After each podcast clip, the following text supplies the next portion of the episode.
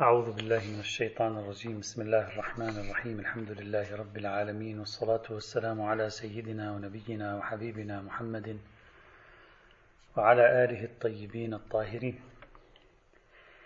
كنا نتكلم في مشروع الدكتور مصطفى مركيان حول معنوية الدين وتجوهر الدين بالتعبد.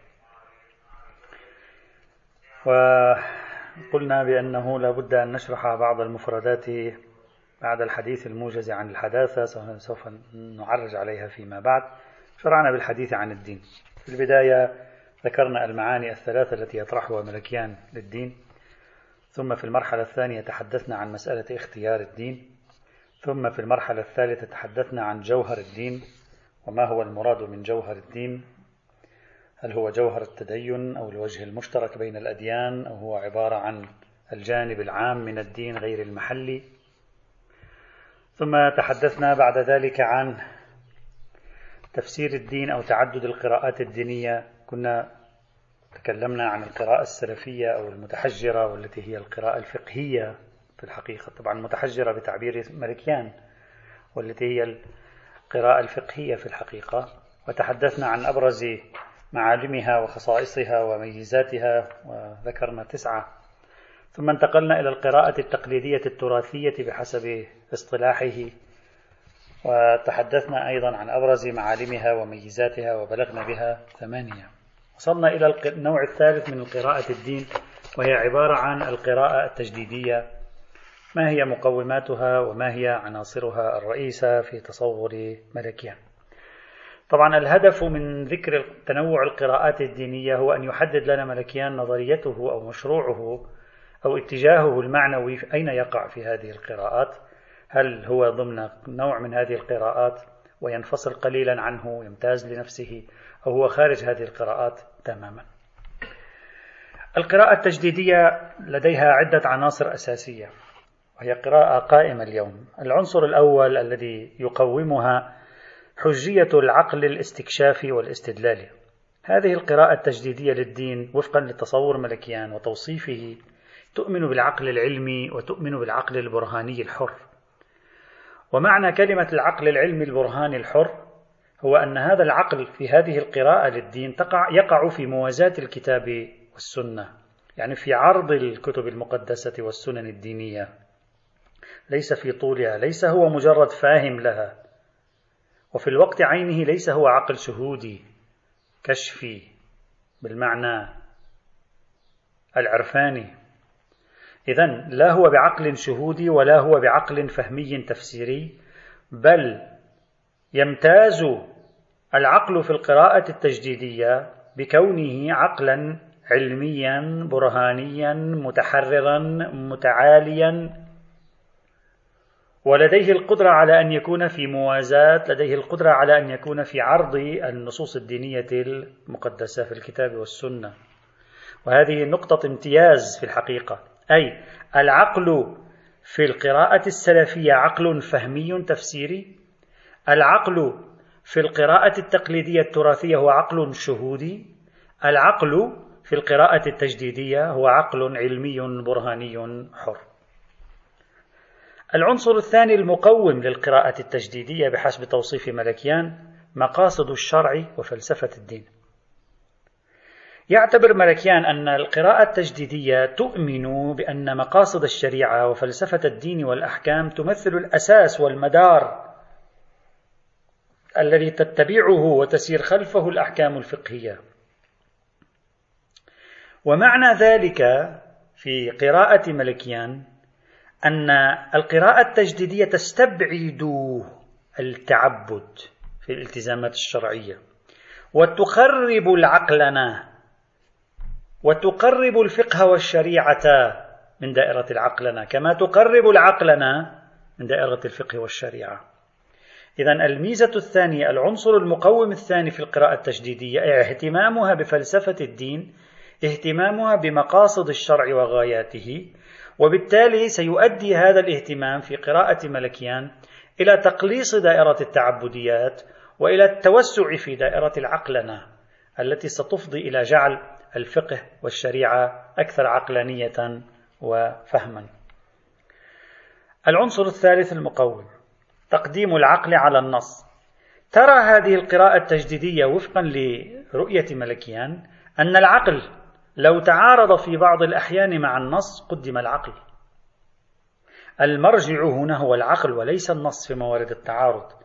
العقل يظل أقوى من النص عند التجديديين طبعا يبدو من ملكيان أنه لا يقصد من العقل الذي هو أقوى من النص العقل البرهاني بمفهومه الفلسفي بل هو على ما يبدو يتكلم في دائرة أوسع يعني مطلق المقاربات العقلانية حتى لو كانت ذات طابع جزئي ليست كليات فلسفية برهانية. لأن هذا هو الأقرب إلى تناول القضايا الفقهية عادة. إذا حجية العقل الاستكشاف الاستدلال العلم البرهاني الحر أولوية مقاصد الشرع وفلسفة الدين تقديم العقل على النص عند التعارض. المقوم الرابع التركيز على روح الدين وغاياته.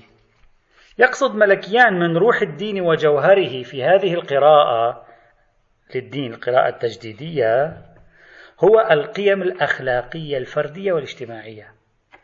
يعني هذه القراءة التجديدية تركز كثيرا على الأخلاق. الأخلاق فيها لها أهمية عالية. لكن الأخلاق هذه المرة ليست مثل القراءة التقليدية التراثية مهمة لبناء الفرد في تكامله الروحي الأخروي الأخلاق هذه المرة في القراءة التجديدية للدين أساسية لسلوك السعادة المعنوية الأخروية وكذلك لتحقيق السعادة الدنيوية والمحسوسة، تحقيق السعادة الدنيوية الملموسة. الحسن والقبح في فهم هذه القراءة التجديدية يدوران مدار لذائذ البشر وآلام البشر هم المادية وهم المعنوية أيضا.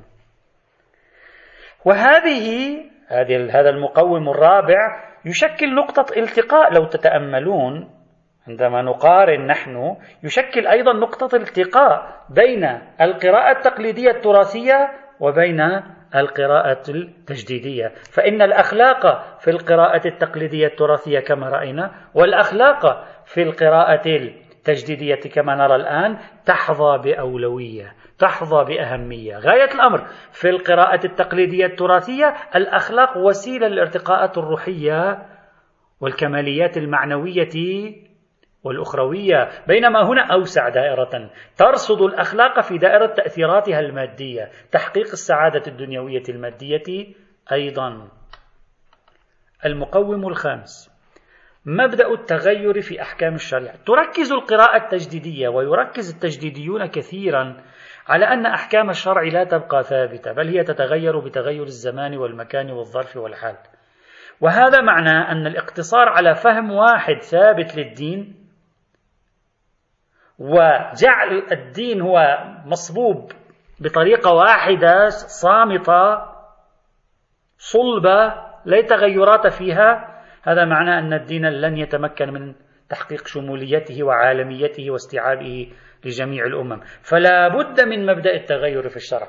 لاحظوا أن القراءة التجديدية للدين أن التيار التجديدي في قراءة الدين كثيرا ما يركز على مفهوم التغير. وهذا واضح. كثيرا ما يركز على مفهوم التحول يعتبره مفهوما اساسيا دائما علينا أن نهتم له. اذا مبدا التغير في أحكام الشريعة؟ مبدا اصيل في القراءة التجديدية للدين؟ سادسا أو المبدأ والعنصر السادس. مبدأ عدم التمسك بتقليد السلف.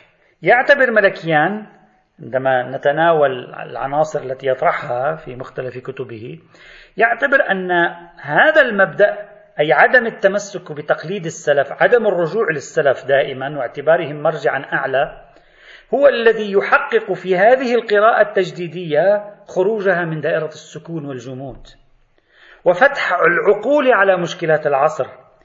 بل لما تقوم القراءة التجديدية بضرب مبدأ تقليد السلف والخضوع للسلف هي في حقيقة الأمر تذلل العقبات أمام الأخذ والاعتراف ببعض المعقولات أو ببعض الأفكار الوضعية الإنسانية الجديدة التي جاءت بفعل تطور العلوم والفنون عند البشر.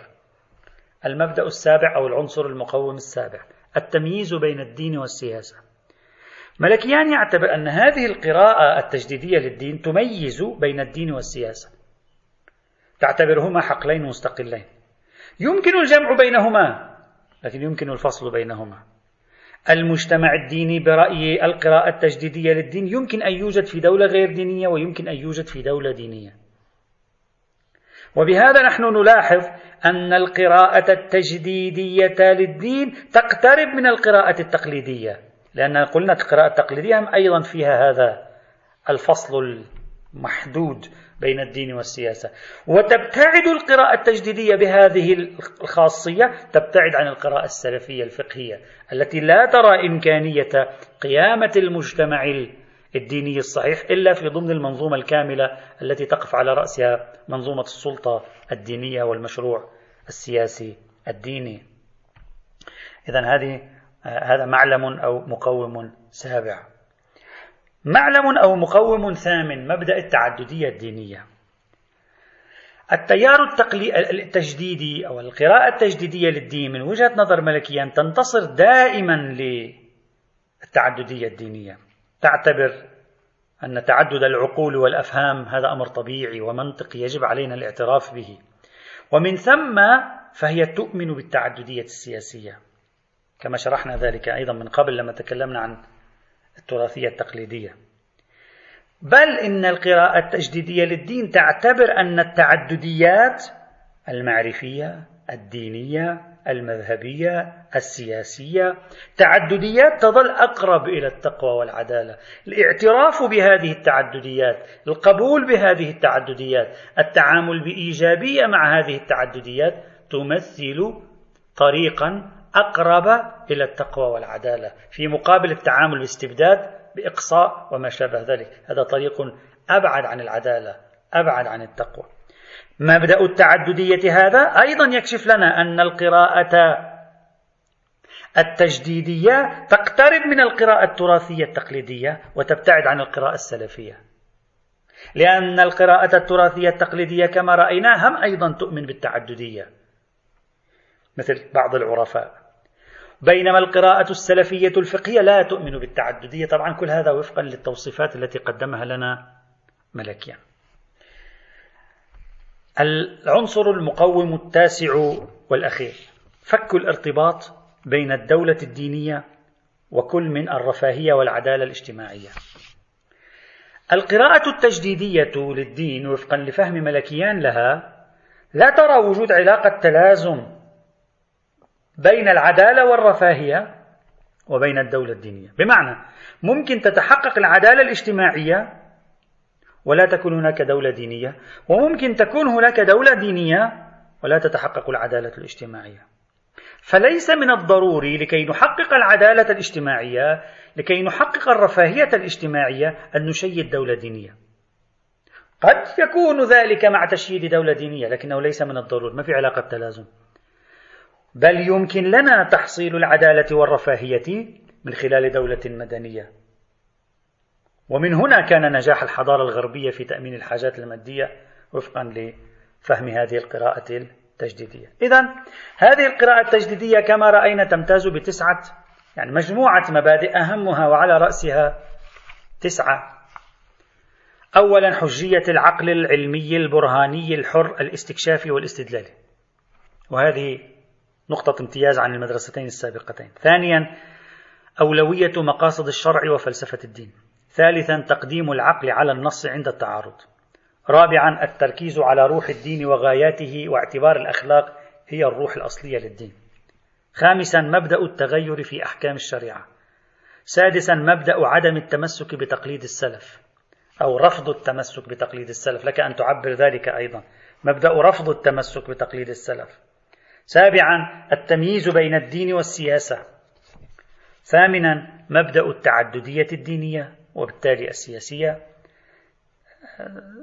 عفوا نحن وصلنا إلى ثامنا صحيح؟ نعم. ثامنا مبدأ التعددية الدينية. تاسعا فك الارتباط بين الدولة الدينية وكل من الرفاهية والعدالة الاجتماعية أو الاجتماعيتين. الرفاهية والعدالة الاجتماعيتين. طيب هذه المدارس الثلاث القراءات الثلاث للدين في ساحتنا القائمة اليوم. وهذه هي معالم كل واحدة منها. الآن ما هي الفروق بين هذه القراءات؟ طبعا ملكيان يذكر فروق وكذا وبعضها يعني يفصل فيه بطريقة ليست مهمة حتى يبلغ بها أحد عشر فرقا. من وجهة نظري عمدة ما يقوله ملكيان هنا يمكن أن أجعله ضمن أولا وثانيا. أولا الفوارق ما بين القراءة السلفية الفقهية وأخواتها. الفوارق ما بين القراءة السلفية الفقهية وأخواتها. يعني الفرق بين الأولى والثانية والثالثة معا. يعني نضع الأولى في صف والثانية والثالثة نضعها في صف آخر ونرى نقارن. عمدة الفوارق هنا فارقان أساسيا الفارق الأول طبعا كله بتوصيف ملكيان والأخذ ما هو مهم كلامه. الفارق الأول طبعا مع توضيح مني وربما أحيانا بعض الاستشهادات الإضافية كما قلت الفارق الأول القراءة السلفية الفقهية بحسب توصيف ملكيان المتحجرة للدين هي قراءة تهتم بالظاهر ولا تعير بالا كثيرا للروح والمحتوى. في هذه القراءة شكل اللحية، طول الثوب، وما إلى ذلك من المظاهر في غاية الأهمية. ويقفون عندها كثيرا ويجادلون فيها كثيرا وهي الأساس في هذه القراءة. في مقابل كل من القراءتين التجديدية والتقليدية.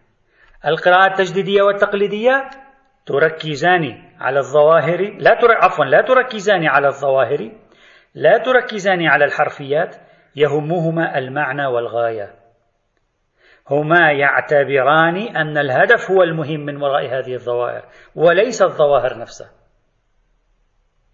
إذا هذا فاصل هذا عنصر فارق جوهري ما بين القراءة الأولى وكل من القراءة الثانية والثالثة. الأولى تركيز على الجانب الظاهري الثانية والثالثة محاولة العبور من الظاهر إلى الغاية والمعنى والمحتوى والمضمون. هذا الفارق الأول. الفارق الثاني. القراءة المتحجرة السلفية بتوصيف ملكيان هي قراءة فقهية. الفقه فيها أساس الدين. الفقه فيها يحتل أغلب مساحة الدين. كل شيء سوى الفقه والشريعة فيها فهو على الهامش. مركز الدين الرئيس هو الفقه وعلوم الشريعة. أطراف هذا المركز العقيدة والأخلاق والفلسفة. معيار تدين المجتمع والفرد وعدم تدينهما الفقه. هذه هذا أبرز معلم من معالم القراءة السلفية. على سبيل المثال من يقرأ الدين قراءة سلفية كيف يرى أن المجتمع متدين أو غير متدين؟ هكذا معياره. معياره معدلات المشاركة في المناسبات الاجتماعية والمناسبات الدينية عفوا. مثلا نسبة المشاركة في الحج الصوم صلاة الجمعة والجماعة كم عدد الناس اللي بيجوا بيحضروا؟ تربية اللحية كم عدد الملتحين؟ حجاب النساء كم عدد المحجبات في المجتمع؟ وهكذا.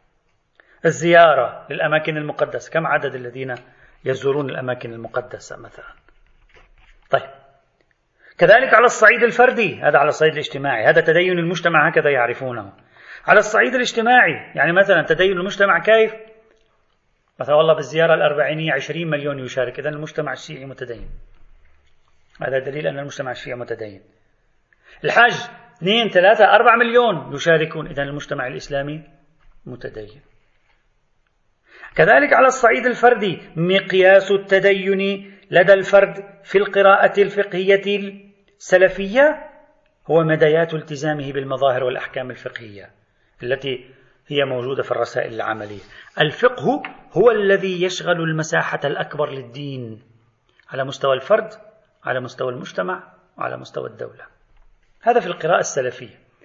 أما القراءة التقليدية والتجديدية هاتان القراءتان لا, لا تريان للفقه مثل هذه المساحة. لا تعطيان الفقه مثل هذا الحجم المهول. الفقه أصغر بكثير من ذلك. آيات الأحكام آيات الفقه أقل من عشر القرآن. 500 آية من أصل أكثر من 6000 آية في القرآن. فإذا لا داعي للذهاب بالفقه بعيدا وتغويل الفقه وتضخيمه والمبالغة به. هذا هذه نقطة فاصلة. عقلك أنت عقل فقهي يقرأ الحياة كلها بالفقه؟ وبالتالي بالطقوس والمناسبات وإلى آخره بالشكليات الظاهرية. أو عقلك هو عقل أخلاقي يقرأها بالغايات بالمعاني بالوضع النفسي بالوضع الروحي للناس. هذه هي الفلسفة في الموضوع. طبعا كل هذا وفق هذا التوصيف اذا اولا التمييز بين القراءة الأولى والقراءة الثانية والثالثة معا. قد رأينا المائزين الأساسيين طبعا متلاحمان مع بعضهما متداخلان. ثانيا ما هي الفوارق بين القراءة التقليدية والتجديدية؟ طبعا نحن أثناء شرحنا سابقا بينا بعض الفوارق الجزئية. الآن الفوارق العمدة. ما هي الفوارق بين القراءة التقليدية والقراءة التجديدية؟ الجواب من وجهة نظر ملكيان أن الفقه صحيح في القراءة التقليدية ينحسر نسبة للقراءة السلفية. لكن انحسار الفقه في القراءة التقليدية هو انحسار نسبي. بينما في القراءة التجديدية الفقه ينحسر انحسارا عجيبا بحيث يبدو وكأن الفقه لا وجود له إلا نادرا لا يشغل إلا مساحة بسيطة. إذا الفارق إذا لاحظوا معي جيدا الفقه هو كل القضية. أصلا ال ال ال المست... ال... ال... ما يسمى بالمتنورين الإيرانيين فيما بعد انتصار الثورة وأظن جميعكم يعرف ذلك. ما يسمى بالتيار التنوير الإيراني فيما بعد الثورة تيار الإصلاح الفكري أو الدين الإيراني فيما بعد الثورة. أصلا كل معايير الإصلاح عنده مدخلها الفقه. الموقف من الفقه قوة ضعفا مساحة مكانة موقعا هو الذي يحدد بوصلة الحركة الفكرية. أين أنت؟ الفقه هو المعيار. هذه نقطة في غاية الأهمية طبعا أظن تعرفونها على الآن السؤال الذي يفرض نفسه ما الذي يأخذ مكان الفقه في القراءة التجديدية؟ طيب إذا كان الفقه له حضور في القراءة التقليدية التراثية اللي هي القراءة الثانية وهو صاحب الحضور في القراءة السلفية الفقهية. طيب إذا كان الفقه في القراءة التجديدية ينحسر كثيرا. يكاد يزول. ما الذي يأتي مكانه بحيث لا نقع في فوضى؟ يقول ملكيان إن القراءة التجديدية للدين تجعل الأخلاق محل الفقه.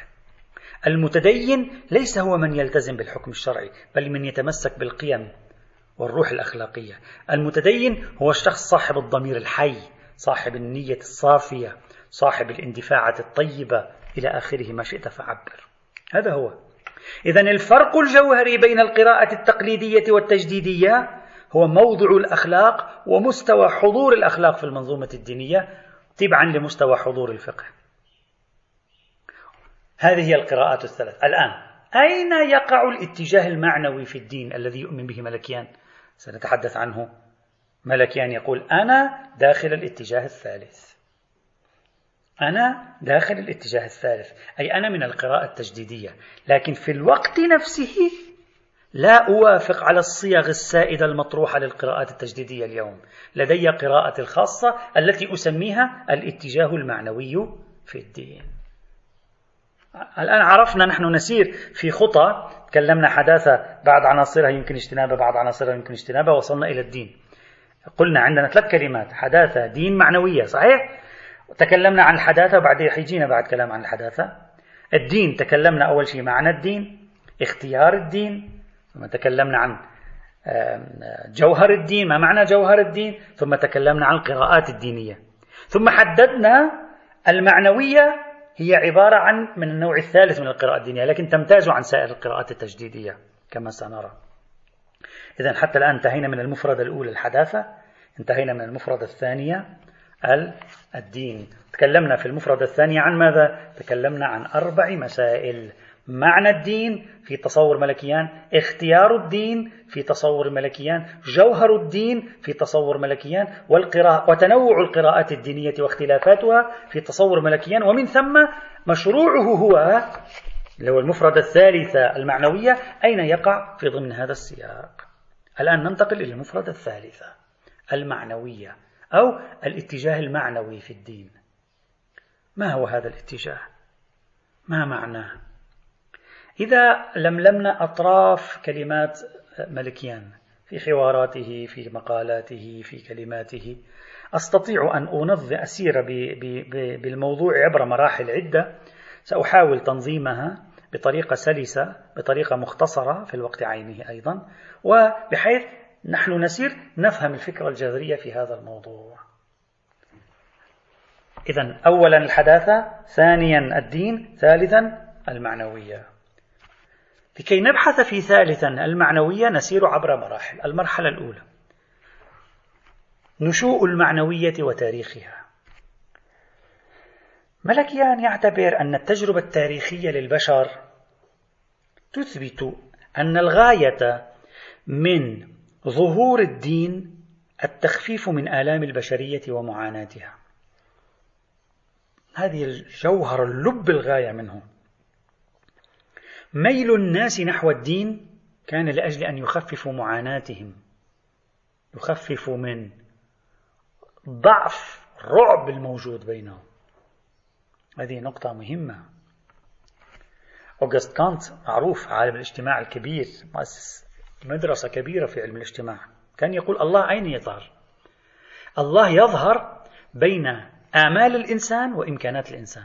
آمال الإنسان كبيرة إمكاناته ضعيفة صار في فجوة. الإنسان أحبط. يظهر يخترع الإنسان فكرة الله لكي يعطي لنفسه الأمل السكينة الطمأنينة. يبقى تبقى الآمال قائمة في نفسه. إذا الفجوة الحاصلة بين الآمال والإمكانات هي التي تخلق فكرة الله. ملكيا ماذا يريد أن يقول؟ يريد أن يقول الدين ظهر في حياة الإنسان لتخفيف الآلام المعاناة. نحن اليوم في عصر الكورونا. آلام تعصف بالبشرية. على اختلاف انتماءاتها وأطيافها شرقا غربا شمالا جنوبا. على جميع الاتجاهات هذه الآلام والمعاناة عند الناس. الله هنا تجده دخل مباشرة على الخط بقوة لأن الدين هنا هو المسكن الذي يهدئ الإنسان. بدونه يتلاشى هذا المخلوق. يتفتت ينتهي. من الذي يريد أن يعطيه قدرة الصمود تخفيف المعاناة تخفيف الآلام؟ الدين يعطي تخفيف الآلام هنا. هنا أهميته. لكن يقول المعنويون هكذا. يقول رغم أن الدين ولد لأجل أن يحل هذه المعضلة إلا أنه مع الأسف الشديد تاريخيا كان الدين سببا لظهور آلام في حياة البشر وفي خلق آلام في حياة البشر. وهذه مشكلة عظيمة كانت. هذه أدت إلى ظهور تساؤل.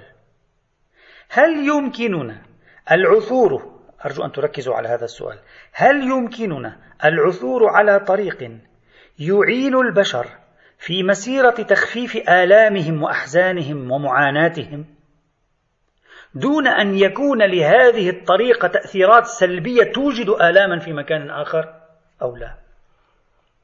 هذا الدين جاء ليحل مشكلة إذ به يفتك بالناس حروبا ودمار وقمع وظلم إلى آخره.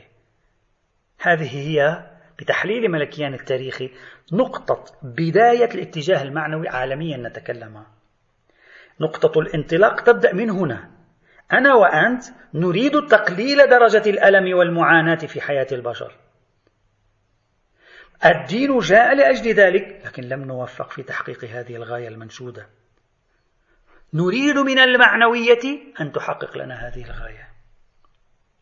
إذا المعنوية جذورها قابعة في عمق التاريخ. ويرجعها ملكيان وأمثال ملكيان إلى بوذا الذي عاش في أواسط الألفية الأولى قبل الميلاد. بوذا برأي ملكيان كان إنسان معنوي. بوذا نفسها لا الديانة البوذية هو يفصل بينهما. الآن هو يتكلم عن بوذا بنفسه. طبعا بوذا ليس اسمها بوذا سمة مثل فرعون مثل آية الله العظمى. مثل المرجع الديني. ليس اسم هذا يعني مثل بابا. هذا ليس اسم هذا لقب.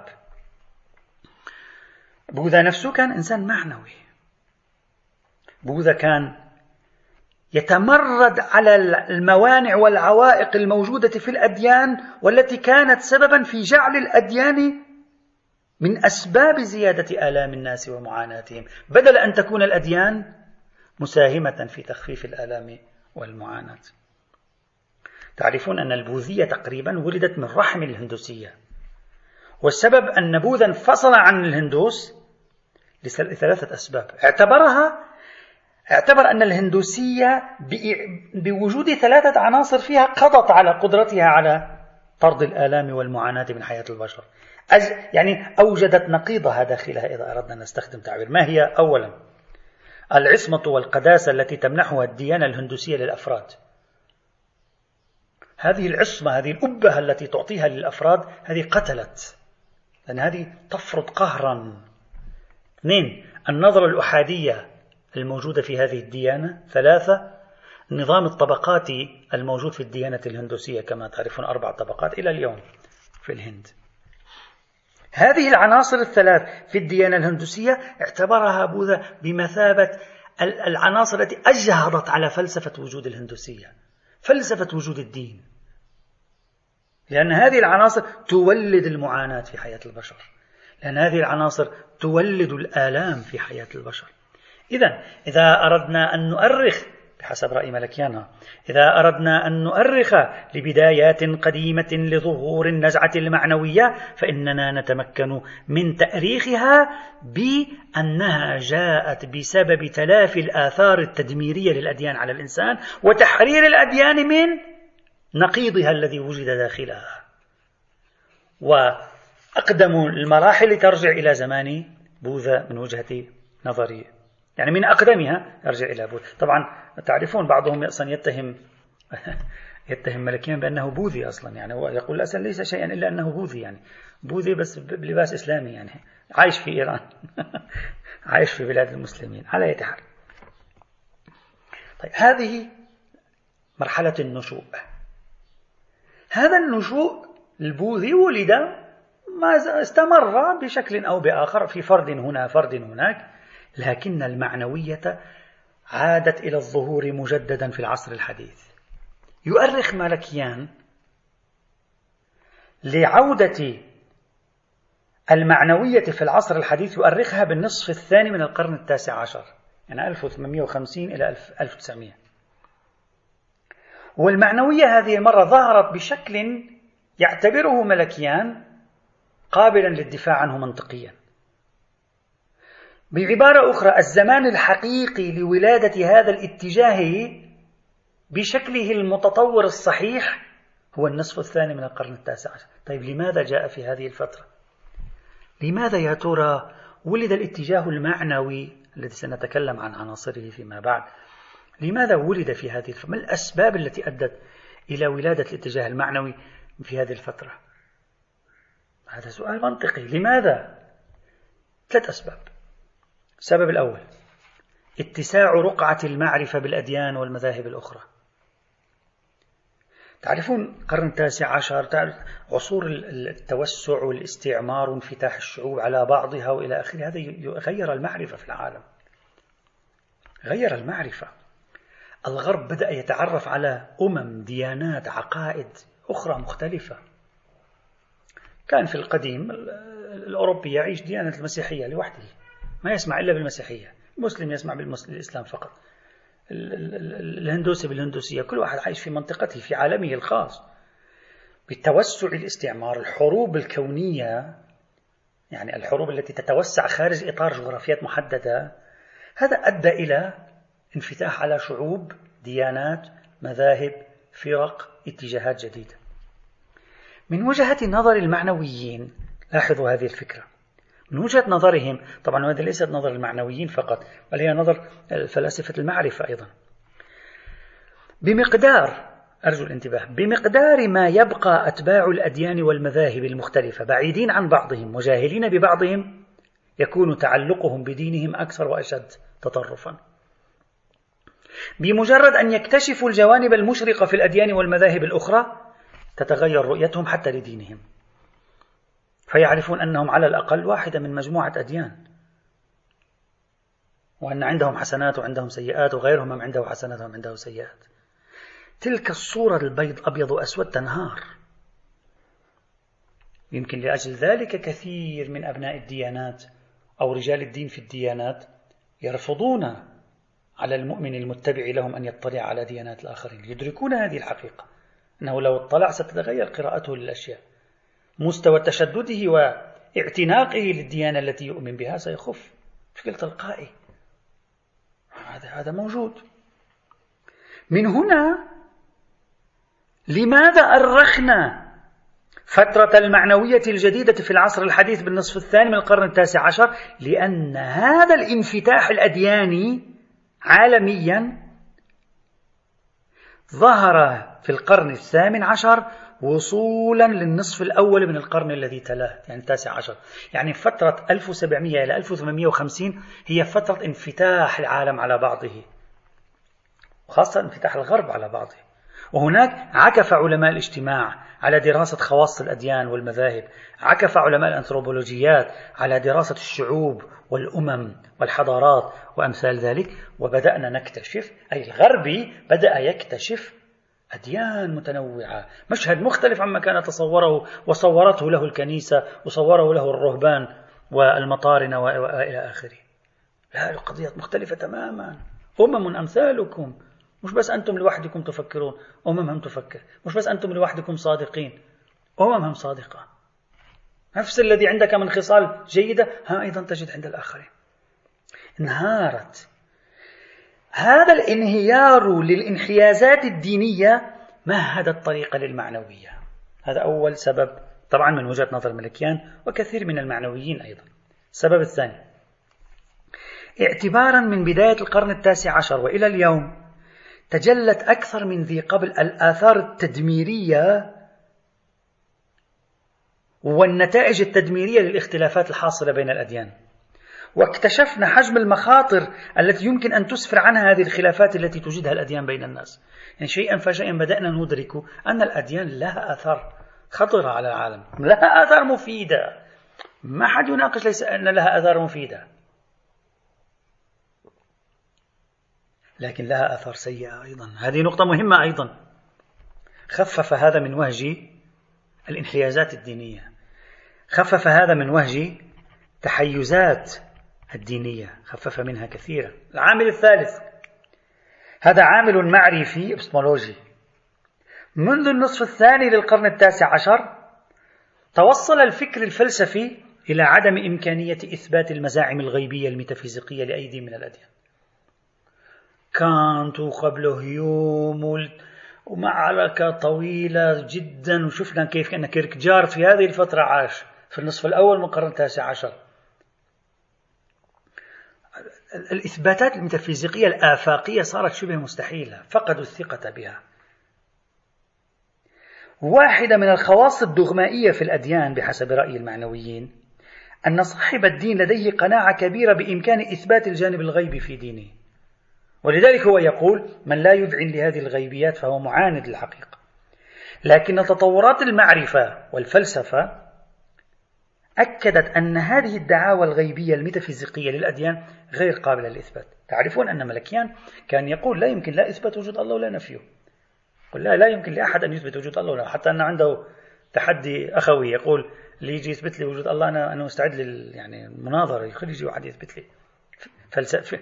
علميا وفكريا وفلسفيا.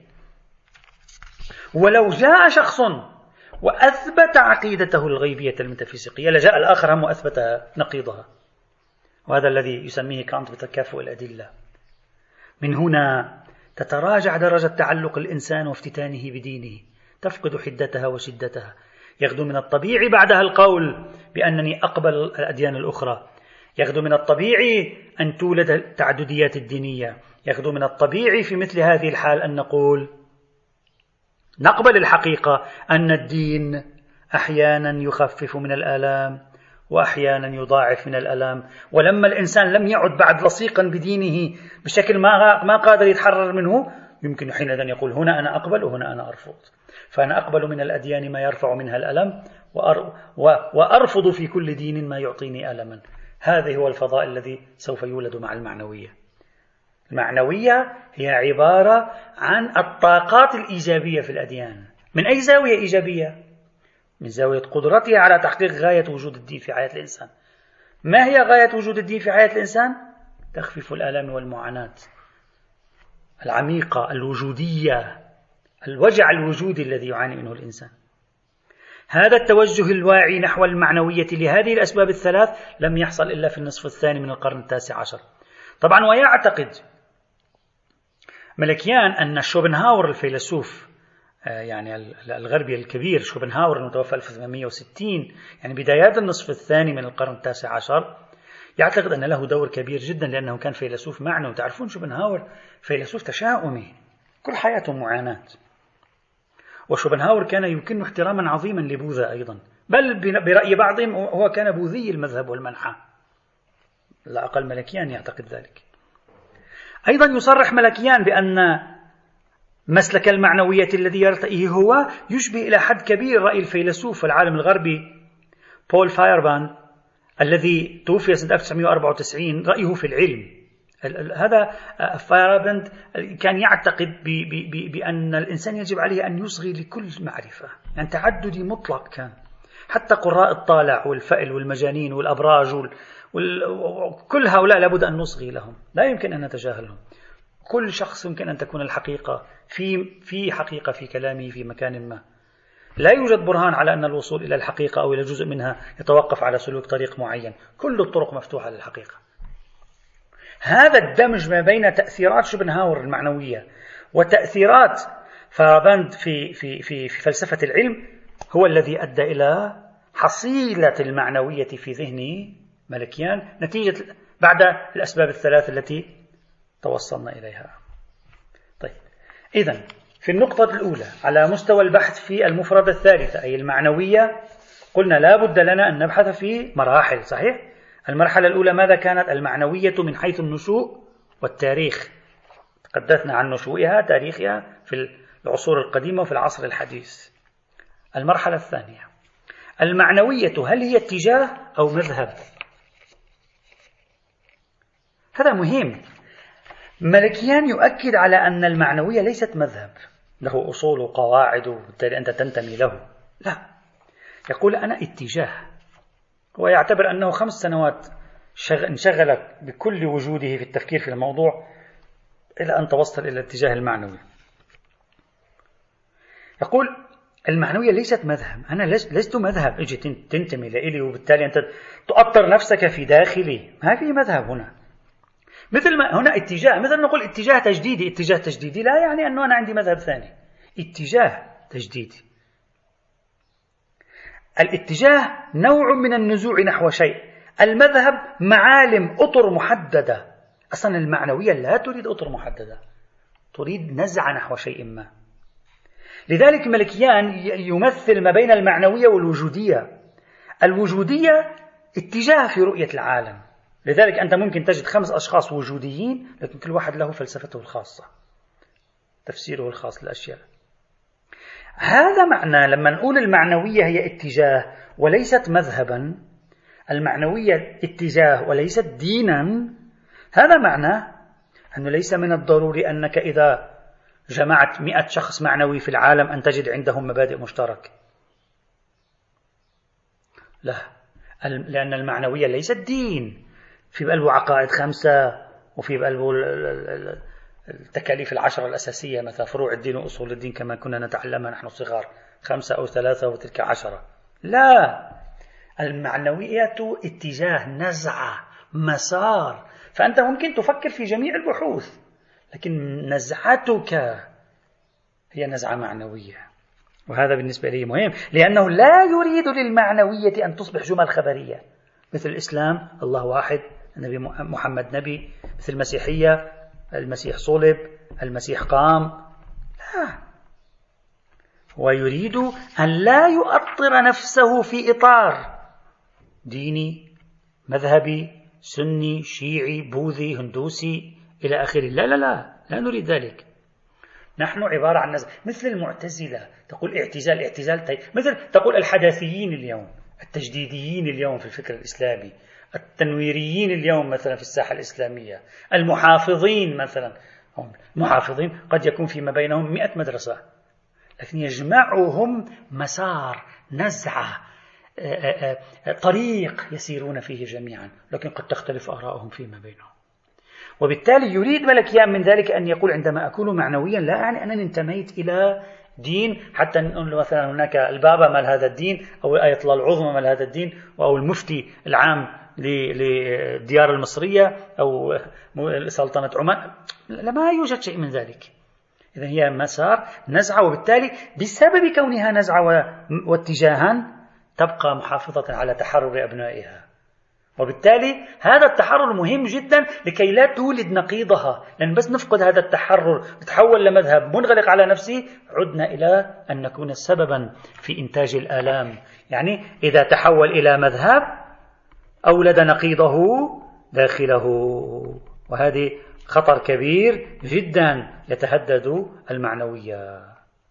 طيب، إذا المرحلة الأولى نشوء المعنوية وتاريخها بنظرة مختصرة. المرحلة الثانية المعنوية اتجاه وليست مذهبا أو دينا. المرحلة الثالثة ما هي أهداف النزعة المعنوية في الدين؟ يأتي إن شاء الله تعالى. والحمد لله رب العالمين.